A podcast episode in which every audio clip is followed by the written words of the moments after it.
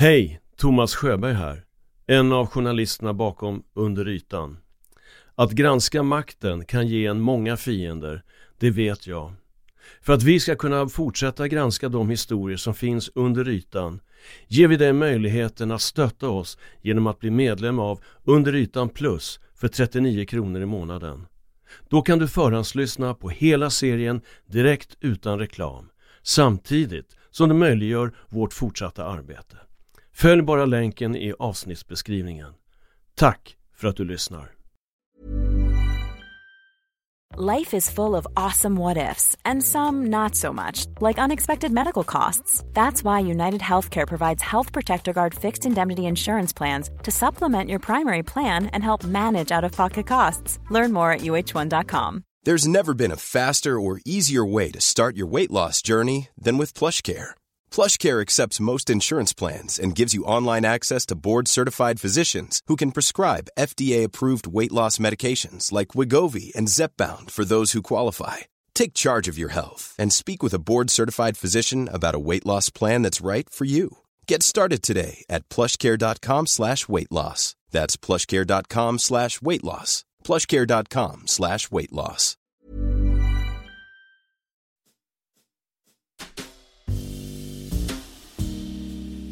Vi har nu kommit fram till ett direkt möte mellan Marie och Lisa. Med utgångspunkt i förtalsdomen resonerar de sig fram om vem som äger berättelsen, sorgen och de olika sätt de valt att förhålla sig till det svåraste av allt. Skammen över att vara utsatt för övergrepp inom familjen. Lisa som våldtäktsoffer och Marie i den livslånga skuld hon känner för att hon inte såg. Och hur man hittar vägen ut ett sätt att gå vidare i livet. För mig så handlade det egentligen inte om att dela din historia för allmänheten utan för mig handlade det 100% om den enorma skam jag kände för att jag aldrig såg någonting under eh, den här perioden som han våldtog dig. Du lyssnar på Skammen, berättelsen om ett övergrepp en serie fem delar av mig, Thomas Sjöberg, producerad av Anders Nyström och Niklas Runsten för Current Affairs.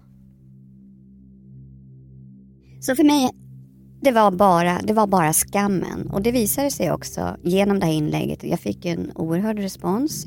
Jag fick otroligt många mejl från andra mammor som inte heller såg.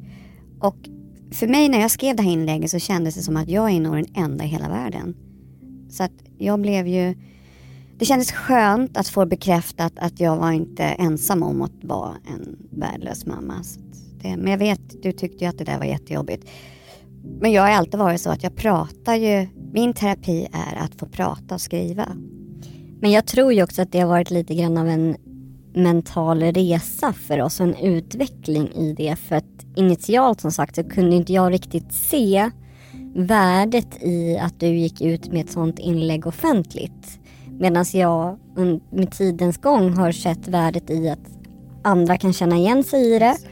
Men sen har det ju också varit en resa för oss i form av att vi har behövt hitta gränserna där lite grann sinsemellan. Vad jag tycker är okej att du skriver och vad, vad jag inte tycker är okej och att du jag måste respektera att du behöver skriva för att bearbeta din sorg. Exakt. Så det har ju varit liksom en del i sig för oss att hantera och bearbeta tillsammans. Absolut. Och utvecklas i. För det var ju inte självklart från början upplevde jag det som. Nej absolut, absolut. Jag hade ju lite problem med gränsdragningarna där men du var ju noga med. Jag, har, jag fortsätter ju skriva om det såklart. Ja. Eh, men du såg ju till att jag höll mig inom dina ramar så att säga. Men där tycker jag att vi idag har hittat en balans som funkar mycket bättre. Du är mycket bättre på att identifiera var mina gränser går och jag tycker att jag också är mycket lättare att säga ifrån när jag tycker att det känns jobbigt. Och att vi liksom kan prata om varför du kanske behöver skriva något eller känner ett behov av det. Så jag upplever att vi är mycket lättare att resonera kring de bitarna också idag än vad vi hade förut. För jag, jag kände ibland att jag hade svårt att säga att det här tycker inte jag känns bra. Nej. Och som sagt, idag ser jag ju värdet på ett helt annat vis när det också strömmar in meddelanden från både andra utsatta men också andra anhöriga till utsatta som man också ofta glömmer bort i de här sammanhangen. Exakt. Det är ju lika stort trauma för dem som det är för den som har blivit utsatt. Absolut, och jag har ju några kvinnor som har hört av sig som har varit gifta med pedofiler eller sambos med pedofiler. Och då är det ju tyvärr så att de åker med i den här skammen eh, från samhället. Ehm, det är på något sätt som att de också görs ansvariga över vad den här mannen gör mot andra. Och det, det... Ja, och detta trots att deras barn kan vara de som har blivit utsatta. Jag har läst om fall där det finns när mannen då, i, i de allra flesta fall då, han blir häktad och kanske hamnar i fängelse för det här och familjen som blir kvar, de anhöriga, även om, om barn, barn i familjen har blivit utsatta så blir de ändå svartmålade och får flytta ifrån sina hem och sina städer för att de blir hatade av andra runt omkring trots att de själva bara är anhöriga mm. och oskyldiga. Mm. Och man ska ju också ha klart för sig, jag pratade ju med, med din förhörsledare då. Och han sa ju, för jag sa så här, det här blir ju så jobbigt för att man läser ju då om ofta, ofta eller då och då om, om tjejer som anklagar sina papper och så visar det sig att det inte är någonting in the long run. Och då talar han om för mig att det är så otroligt få som orkar gå igenom alla dessa förhör om det inte är en, en, en sann historia bakom. Utan ofta så kommer man till en anmälan om man är ute och ska sätta dit sin pappa för någonting som han inte har gjort då. Men, eh, och så avskrivs den därför att det framkommer ganska snart i ett förhör att det inte är, finns någon grund för det. Så att det, det är en ytterst liten promille som blir fällda för felaktigt fällda. Så är det ju. Det är det som jag kan tycka är ganska sorgligt när man hör i debatten när man pratar kring att det är så otroligt många anmälningar om våldtäkt då kan jag bli ganska ledsen när jag hör det för jag inser ju, det finns ju ganska många som diskuterar kring att, att många av de här anmälningarna inte är sanna, att det är falskt, att mm. det är mm. påhittat. Mm. Och jag kan bli ledsen när jag hör det just för att jag vet hur mycket det kostar att våga berätta. Och ljuger man om det, alltså man har ju allt att förlora. Man riskerar hela sitt liv så som man känner till det. Mm. Och det gör man inte, man riskerar inte det om det inte är sant? Nej, det, det kostar så oerhört mycket. Framförallt för dig, i synnerhet för dig. Att berätta en sån här historia. Så att, hade det inte varit sant så, så skulle du aldrig ha gjort det. Ja, för mig var det inte ens självklart när jag insåg att jag skulle behöva hantera det här eller dela med det här och bearbeta det. Då var det inte självklart för mig att du skulle tro på det eller att, eller att min styvfar skulle tro på det. Varför eller att andra anhöriga. Därför att det är inte självklart i sådana här fall. När jag gick i terapi och när jag har träffat andra uh, utsatta och, och uh, i olika sammanhang så har det varit väldigt tydligt i nio fall av tio så står de flesta utan någon från sin familj. De har ingen för att alla väljer att tro på förövaren. Mm, det förstår inte jag. jag. Jag har ju förstått det för de mejl jag får. Det har ju varit ganska många här fortfarande. Men även om det var den sista människan på jorden jag någonsin kunde tro det här om så kan jag säga att det fanns ingen tvekan. Det, det fanns liksom ingen tvekan när du sa det. Nej, och det är jag ju otroligt tacksam för. För som sagt, de flesta har inte kvar någon i sin familj. Jag har ändå kvar halva min familj. Mm. Och det var inte självklart, även om jag kunde känna så här att med den relation jag ändå har haft med, med dig och med mormor och morfar så kände jag att liksom jag, jag skulle kunna vara trygg nog att berätta en dag. Mm. Men jag tog inte för givet att ni skulle tro på mig i det. Absolut inte. Utan jag var beredd på att det kanske briserar fullständigt. Jag kanske går, får gå resten av mitt liv utan att ha någon kontakt med min familj. Sen tänker jag lite grann så här. Även om jag har i lagens mening begått ett brott genom att jag har skrivit om det här så känner jag någonstans att jag måste få äga min historia. Jag måste ju få berätta min upplevelse som mamma. Och för mig spelar det då ingen roll vad straffet för det blir. Lite så känner jag. Och jag vet att du... Nej men jag tror att jag kanske nog inte riktigt kände så initialt när det här blev officiellt eller när du la ut det här inlägget första gången. Mm. Då kände jag nog mest bara att det var jobbigt och ångestframkallande att hela världen visste om vad jag varit med om. Mm. Men det har nog vuxit även hos mig att liksom min egen rätt att få berätta min historia. och din rätt som anhörig att få berätta din historia. Men framförallt att syftet med det är att andra ska känna sig mindre ensamma. Mm.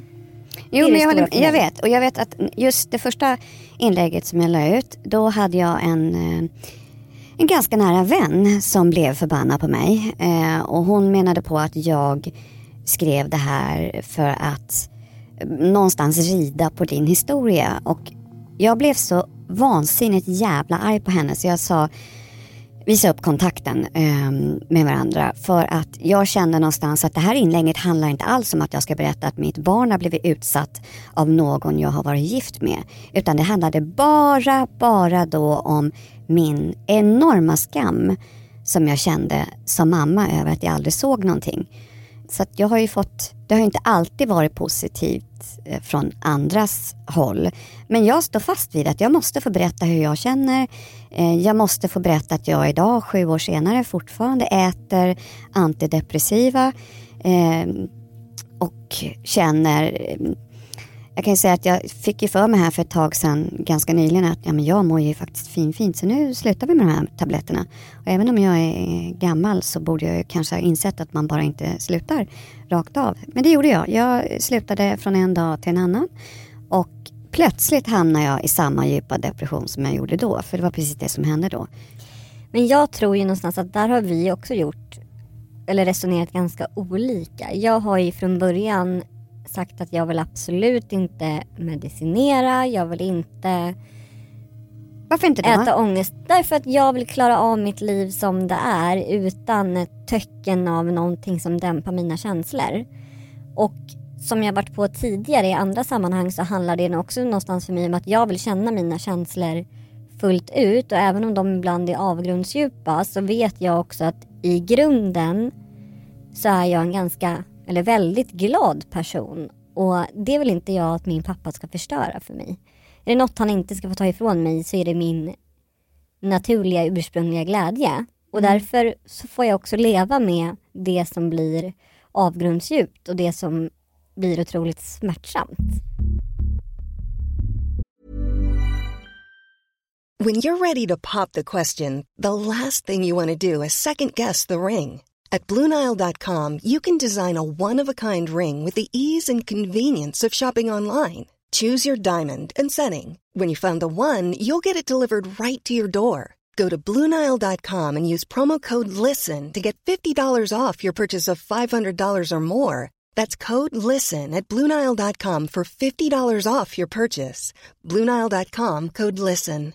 How would you like to look five years younger? In a clinical study, people that had volume added with Juvederm Voluma XC in the cheeks perceived themselves as looking five years younger at six months after treatment. Look younger, feel like you. Add volume for lift and contour in the cheeks with Juvederm Voluma XC. Reverse signs of aging by adding volume to smooth laugh lines with Juvederm Volure XC. For important safety information and to find a licensed specialist, visit juvederm.com. That's J U V E D E R M.com. Not for people with severe allergic reactions, allergies to lidocaine, or the proteins used in Juvederm. Common side effects include injection site redness, swelling, pain, tenderness, firmness, lumps, bumps, bruising, discoloration, or itching. There's a risk of unintentional injection into a blood vessel, which can cause vision abnormalities, blindness, stroke, temporary scabs, or scarring. Talk to a licensed specialist to find out if it's right for you.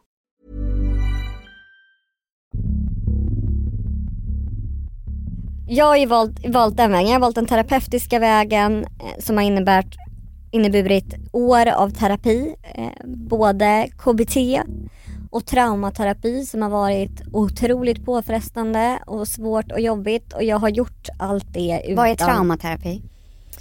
Traumaterapi är en form av terapi där du helt enkelt tillsammans med en välutbildad psykolog så går du in i detalj på vad du har varit med om. Du får berätta i detalj vad du har varit med om och vad som upplevs vara traumat.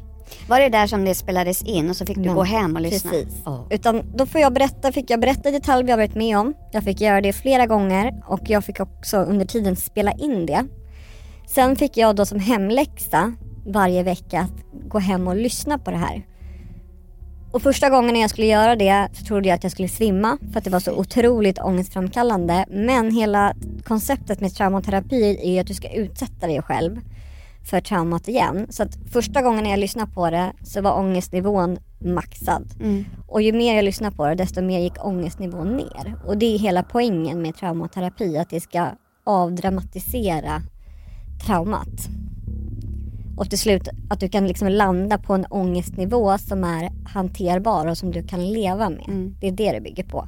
Och i början när jag gick i traumaterapi så tänkte jag så här, nej men jag har ju testat alla terapiformer som finns. Jag kan inte förvänta mig några guld och gröna skogar och inga rosa moln utan det får bli vad det blir. Det blir bra men jag kommer aldrig må hundra. Men efter ett antal gånger i traumaterapi och när jag hade gått där en period så åkte jag därifrån en dag och jag minns det så tydligt. Jag sitter på tunnelbanan och det känns som att 10 kilo lyfts av mina axlar. Jag har aldrig upplevt en sån lättnad i hela mitt liv. Och det är vet det häftigaste jag varit Kommer du med ihåg vad du gjorde då? Nej. Då ringde du till mig och så sa du så här. Mamma, jag är inte längre rädd för pappa. Precis. Det kommer, jag kommer ihåg det så tydligt. Jag är inte längre rädd för pappa. Men det man ska komma ihåg är, tror jag som utsatt och även som anhörig så tror jag att terapi är också lite grann en färskvara. Och som jag varit inne på innan, det handlar om självmedvetenhet. Jag var ju inte längre rädd för pappa Nej. efter det där. Men sen gick det ett par år Mhm. och när du blev åtalad för förtal och jag visste att jag skulle vara tvungen att möta pappa i rättssalen Mm. Så kom min rädsla tillbaks. Och egentligen då så borde jag ha varit smart nog och gått i terapi innan för att Vi få borde ha kommit på det, ja jag vet. Du följer rätt hårt Ja. då. Så man ska vara medveten om att det där kan komma och gå och att under hela livet så kan det finnas ett antal gånger som man behöver liksom återgå till terapin och få den hjälpen igen. För att känna att livet ska fungera. Och det kanske inte bara är rörande sådana saker utan andra saker också. Relationer som man ofta har svårt med efteråt med tillit och relationsbyggande. Med att klara av vardagen som helhet, att få ihop sina rutiner. De bitarna. Så jag tror att det är viktigt att liksom inte bara tro att man, man går i terapi ett par gånger och sen är man klar. Utan det är ett livslångt arbete som för så många andra. Fast jag är tvärtom där. Jag vill faktiskt inte in och gräva. Fast vad, varför, varför vill du inte det? Ska du gå runt i hela ditt liv och bara stänga av dina känslor? Ja. För att? Nej men så här, jag minns ju när vi fick reda på det här eh, så kände jag så här, det här fixar jag eftersom jag är en doer. Och jag kommer ihåg att i samma sekund som du berättade, vi blev ju kallade till din psykolog och så berättade du det här. Och då minns jag att jag ställde mig upp och du ställde dig upp och du började gråta och det enda jag tänkte och det jag sa var att vi fixar det här, vi fixar det här. Kommer du ihåg det? Ja. Och då får jag ju på mig min eh, to-do-rock så att säga. Då, då liksom, okej nu, nu är det Karlssons klister, nu ska vi fixa det här, hon ska må bra. Och då säger din psykolog, hon säger till mig att jag tycker att du ska söka hjälp. Och jag tänkte så här, din dumma jävla kärring, det här fixar jag själv. Precis så tänkte jag. Och hon gav mig ett nummer på en lapp som jag då slängde direkt när jag kom där utanför. Och så gick det ett par månader och jag kände så här, ja men jag fixar det här. Inga problem tills jag fick min första panikångestattack och jag som alltid har tyckt att panikångest, vad är det för jävla skit? Kavla upp ärmarna och fixa, typ. Men det var ju absolut värsta jag varit med om. Sen kom ju de som brev på posten var och varannan dag under en tid. Och då insåg jag att jag måste nog faktiskt be om hjälp här. Och då tog jag kontakt med vårdcentralen, fick träffa en läkare som skrev ut eh, speciell medicin för panikångestattackerna och sen en antidepressiv medicin. Och sen så skickade hon mig på KBT-terapi. Och där gick du ju inte så länge. Nej, jag gick, dem, jag gick väl typ tio gånger och tänkte så här, men herregud i himlen. Måste man inte veta någonting om det här om man ska försöka hjälpa andra människor? Alltså hon var så, hon var säkert bra för andra, men jag kände att det här ger inte mig någonting. Ska man gå i, i terapi för något sånt här, då måste man ju gå till någon som, som är kunnig inom området. Och hur får man tag i det?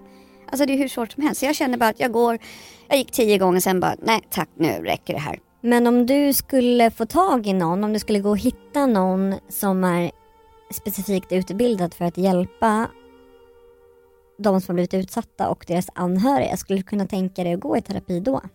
Idag nej. För att? Därför att jag känner att jag äter mina, min antidepressiva medicin. Jag har, känner inga low, jag känner inga high. Jag mår jättebra. Ska jag gå i terapi, då måste jag in och gräva och då ska jag må sådär dåligt och jag vill aldrig tillbaka till det. Fast du kommer ju aldrig, tror jag, och det är en högst personlig åsikt, men jag tror aldrig att du kommer kunna må riktigt bra om du inte har känt allt som du måste känna. Nej, jag, det struntar jag i. Alltså på riktigt, jag struntar i det. Jag vill inte, alltså den, den smärtan och den ångesten som jag kände då, jag vill inte känna det igen. Och Men- krävs det att man ska ner i den gropen och grotta? Nej tack, men tack. Jag, Men vill inte du känna att du kan förlåta dig själv? Nej, alltså jag kommer aldrig kunna förlåta mig själv. Varför ska jag förlåta mig själv? Jag såg ingenting. Jag kommer aldrig förlåta mig själv för det. Fast där resonerar vi så olika och det är som jag, hade, det som jag sagt till dig tusen gånger innan. Jag hade förstått dina känslor och ditt resonemang om jag hade skuldbelagt dig. Ja, Om det jag har du hade, aldrig gjort. Nej, om jag hade känt en ilska gentemot dig för att du inte såg. Men jag har aldrig gjort det. Så att jag har ju svårt att förstå att du inte kan känna att du vill förlåta dig själv och inte bearbeta det. För jag tror att det är jätteviktigt för ditt eget välmående. Mm, Men nu känner jag att jag är så gammal så det spelar ingen roll. Så att jag tycker ändå, jag, jag tycker om mina, min medicin. Det funkar jättebra för mig. Jag vill inte. Jag vill verkligen inte. För det finns ingen anledning för mig att förlåta mig själv. Varför ska jag förlåta mig själv för någonting som jag tycker är oursäktligt? Men är det det här du vill förmedla till alla andra anhöriga mammor också? Att de inte ska förlåta sig Nej, själva? ni behöver inte lyssna på det här. Utan det här är jag och så känner jag. Och hur ska man som an- anhörig göra annars då egentligen? Om man inte gör som du, hur borde man göra? Ja, man borde ju hitta någon vettig terapeut och inte någon KBT som inte har någon koll på just det här området. Tycker jag kanske. Det är så. Men det gäller för alla andra. Ja men jag känner att jag, nej jag vill inte. Jag vill verkligen inte må så dåligt för det är det värsta jag varit med om ever. Så att nej. Och jag tycker inte synd om mig själv på något sätt. Alltså det är inget så här behu, överhuvudtaget utan tvärtom. Som fortfarande mitt första inlägg om det här, det handlar bara om att jag hänger ut mig själv. Och någonstans hoppades jag att någon kunde kontakta mig och säga du, här är en till lika usel mamma. Och det var det ju, det var ju flera. Så att, jag vet inte, men då kommer jag tillbaka till det här. Hur, du kan ju inte se, du kan ju inte upptäcka, alltså det är ju så svårt att se.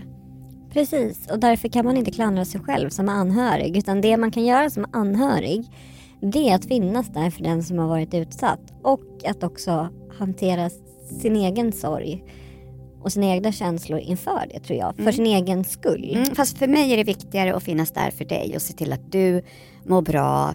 Att, eh, jag menar nu har det gått, det går det ju väldigt bra för dig i livet, yrkeslivet och kärlekslivet. och Precis, så du har all tid i världen att bearbeta det här själv nu. Men lägg av. Nej.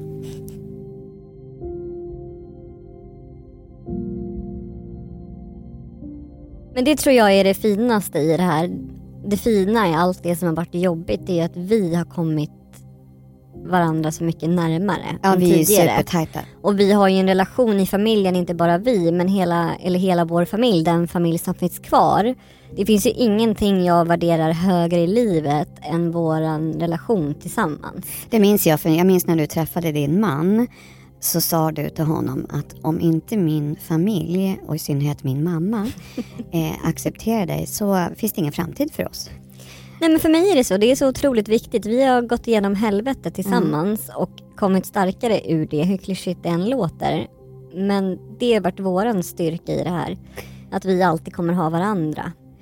Och sen tycker jag, vi har ju dealat, alltså en viktig sak för oss har ju varit humorn. Verkligen. Eh, vi kan ju skoja, kanske inte om detaljer och så, men vi har ju rätt högt i tak. Och jag är ju så himla tacksam över att vi till exempel kan sitta här och prata om det här. Jag skulle ju, kommer, jag skulle ju jättegärna vilja, och det vet jag att du också vill, vi skulle ju vilja föreläsa eh, om det här, hur man tar sig ur det, hur, hur, hur livet kan se ut. Att det finns en Att väg det ut. finns en väg ut. Att, att inte allt är nattsvart trots att det är så enormt stort och vanligt problem.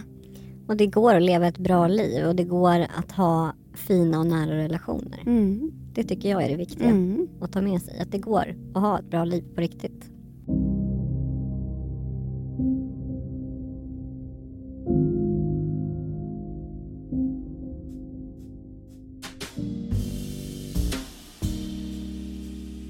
Du har nu lyssnat på den femte och sista delen av Skammen, berättelsen om ett övergrepp.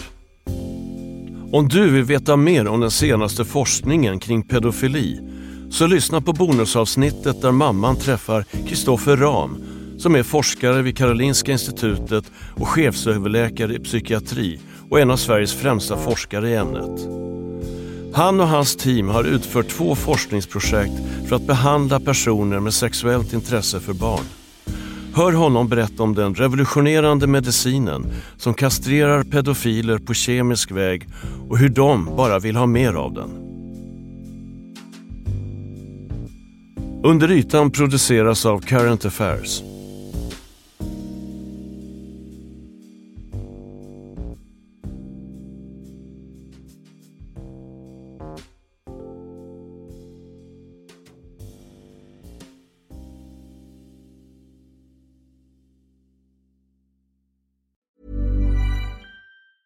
Planning for your next trip? Elevate your travel style with Quince. Quince has all the jet setting essentials you'll want for your next getaway, like European linen, premium luggage options, buttery soft Italian leather bags, and so much more. And is all priced at 50 to 80% less than similar brands. Plus, Quince only works with factories that use safe and ethical manufacturing practices. Pack your bags with high-quality essentials you'll be wearing for vacations to come with Quince. Go to quince.com/pack for free shipping and 365-day returns. Grävande journalistik kräver mycket tid och arbete. Därför vill vi erbjuda dig ett sätt att stötta oss så att vi kan fortsätta granska historier som finns under ytan. Om du blir medlem i Under ytan plus för 39 kronor i månaden kan du lyssna på hela serien direkt utan reklam samtidigt som du möjliggör vårt fortsatta arbete. Följ bara länken i avsnittsbeskrivningen. Tack för att du lyssnar.